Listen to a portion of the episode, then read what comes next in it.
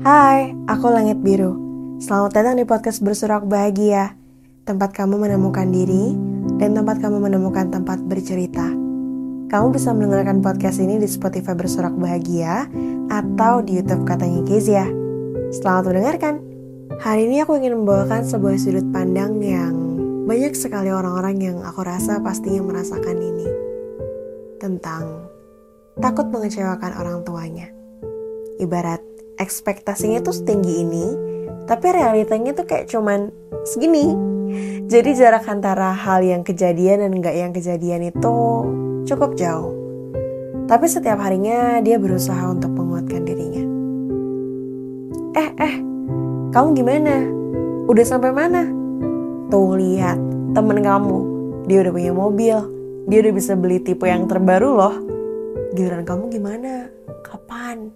Masa udah kerja bertahun-tahun tapi nggak bisa kebeli sih? Satu mobil aja. Temen kamu udah jadi orang tuh. Kamu kapan? Berseragam aja nggak bisa.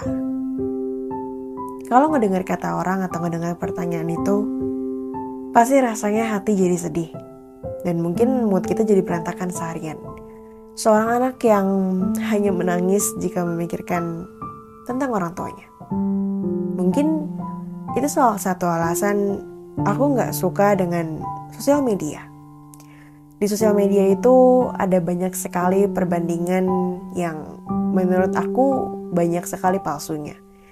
Perbandingan-perbandingan yang mungkin akan menjadi tolak ukur tentang tingkat kebahagiaan dari seseorang orang yang satu dengan orang yang lainnya, yang dikatakan berduit seperti apa, yang dikatakan cantik seperti apa, orang yang punya seperti apa, orang yang lebih diperlakukan baik seperti apa. Di sosial media, secara terang-terangan, orang-orang bisa membandingkan dirinya dengan orang lain karena ada banyak orang yang terlihat lebih bahagia daripada kita. Dan mungkin itu salah satu penyebab aku gak sangat tidak suka sosial media karena mungkin di sosial media hmm, kita menemukan terlalu banyak kesempurnaan yang sepertinya mustahil ada dalam kehidupan sehari-hari sebenarnya. Dia sudah gini, dia sudah gitu, sedangkan kita masih belum. Setiap hari kerjaanku muter otak. Mikirin gimana caranya agar bisa punya pengharapan, agar harapannya terwujud. Orang tua aku memang gak menuntut apa-apa. Mereka juga gak ingin aku kepikiran karena ini itu. Mereka gak pernah bilang kamu harus jadi orang seperti apa tapi tanggung jawab sebagai anak yang secara nggak langsung mereka kasih itu buat aku sangat besar. Aku jadi takut banget suatu saat mengecewakan mereka. Dengan semua hal yang udah aku punya, aku tetap punya ketakutan itu.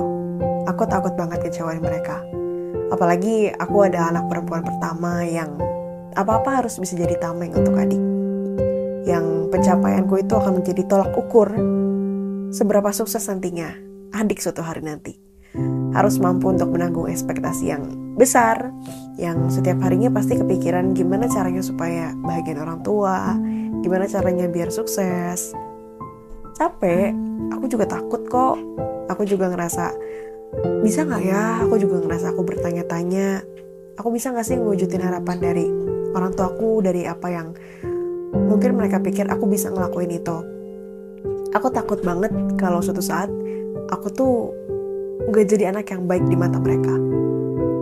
Aku takut kalau suatu saat nanti apa yang udah aku capai selama ini ternyata cuma-cuma yang mungkin cuma selintas lewat, mungkin gak bertahan lama, mungkin ada terlalu banyak ketakutan yang sebagai anak pasti aku rasakan dan aku ngerasa banyak banget teman-teman juga yang sama memikirkannya seperti itu.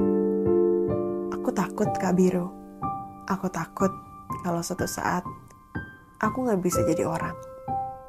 Aku takut kalau nanti aku ngecewain orang tuaku. Aku nggak sendiri kan di sini. Capek banget rasanya ngejar angka. Di pekerjaan kita harus berusaha jadi yang terbaik sampai nggak jarang banyak orang yang aku lihat satu sama lainnya sikut-sikutan yang saling jilat menjilat supaya bisa ngedapetin nilai atau peringkat skor terbaik yang dikasih sama atasannya supaya bisa dipandang baik sama orang yang lebih di atas dia. Di sekolah juga capek. Capek rasanya kalau harus terus-terusan ngejar angka, harus jadi orang yang paling berprestasi, supaya nanti bisa jadi nomor satu, supaya bisa dapat SNMPTN, supaya dapat mungkin banyak jalur undangan lainnya. Apalagi aku lihat orang tua aku bener-bener seneng banget pas mungkin aku ikutan lomba atau aku ikut-ikut kegiatan yang dinilai berharga sama mereka. Seenggaknya pas prestasiku di atas sedikit aja dari sebelumnya, mata mereka terlihat sekali begitu berbinar. Seperti mereka punya harapan, anakku pasti bisa jadi yang lebih baik. Sedangkan aku yang jadi ketakutan. Aku yang takut. Aku yang takut untuk berharap lebih, Bu. Nilai gue nanti gimana ya? Takut banget deh. Takut nanti kalau misalnya hasil rapot semester nggak sesuai dengan ekspektasi. Mungkin semester berikutnya ternyata malah ada yang jatuh nilainya. Gue bisa nggak ya jadi orang nomor satu lagi? Mempertahankan itu sulit kan? Nanti kalau nilainya jelek, mengapa papa bakalan marah nggak ya? di kelas tuh jadi kerasa berat banget. Berat ya? Semoga kita bisa bertahan. Di atas semua angka-angka ini, di atas semua hal-hal yang kita sedang usahakan. Kita usahakan sebaik-baiknya, entah hasilnya baik atau tidak, kita serahkan pada yang di atas. Satu hal yang aku percaya, ketika kita angkat tangan, di situ Tuhan turun tangan. Meskipun sebagai manusia, kalau kita menyerahkan kekhawatiran kita pasti ada banyak sekali perdebatannya. Mereka memang gak pernah bilang aku harus begini, aku harus begitu. Tapi sekalinya aku lihat apa yang udah aku perjuangkan dan apa yang udah mereka perjuangkan. Terus tiba-tiba aku udah berusaha sekuat tenaga kok kayaknya hasilnya nggak bagus. Kok kayaknya hasilnya di sini-sini aja. Kok kayaknya hasil aku lebih, lebih jelek daripada orang yang lain.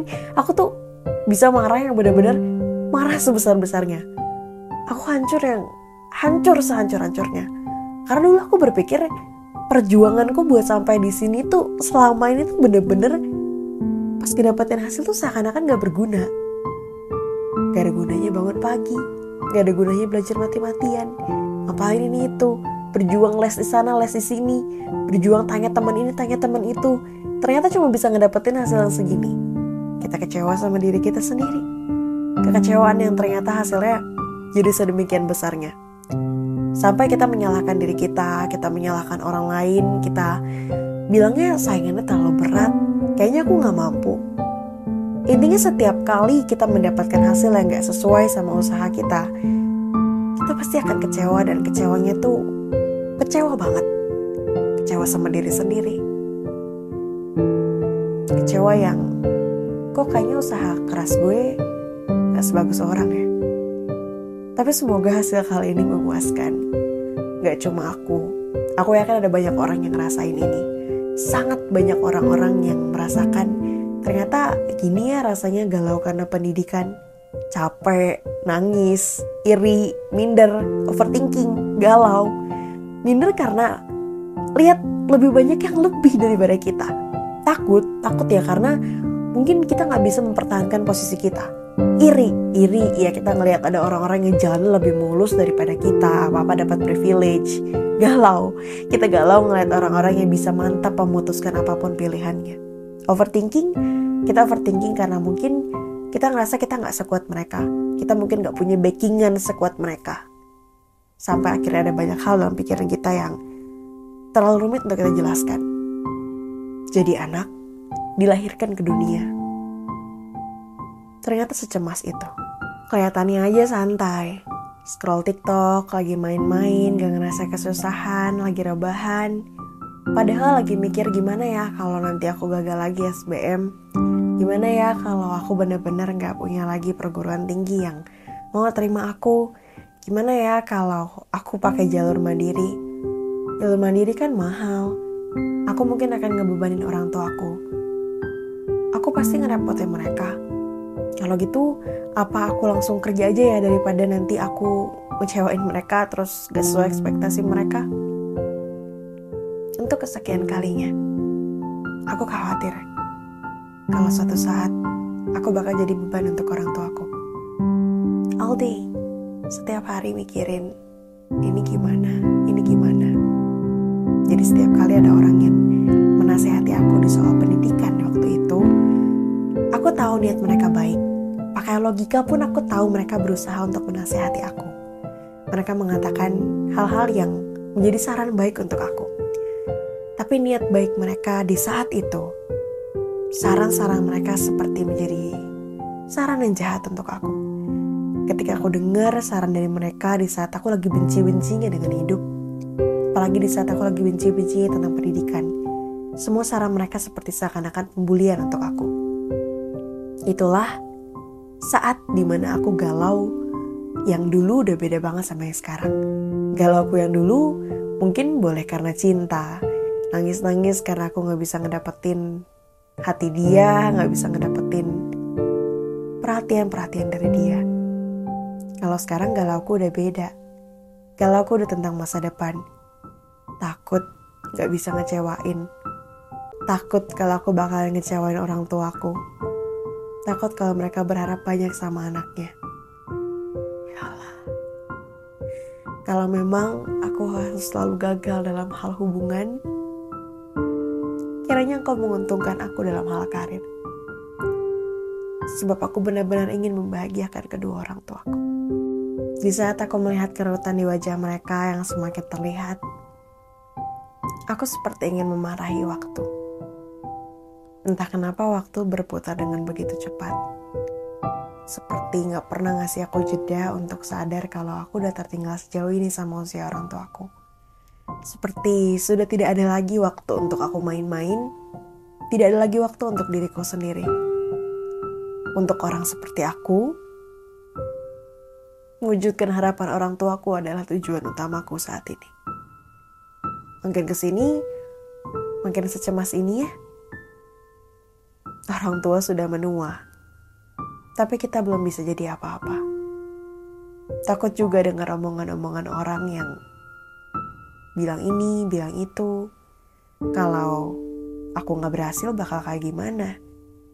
Kalau aku nggak berhasil, mereka mungkin akan mengatakan gimana sih? Udah di sekolah yang tinggi-tinggi, ujungnya cuma jadi kayak gini. Gimana sih?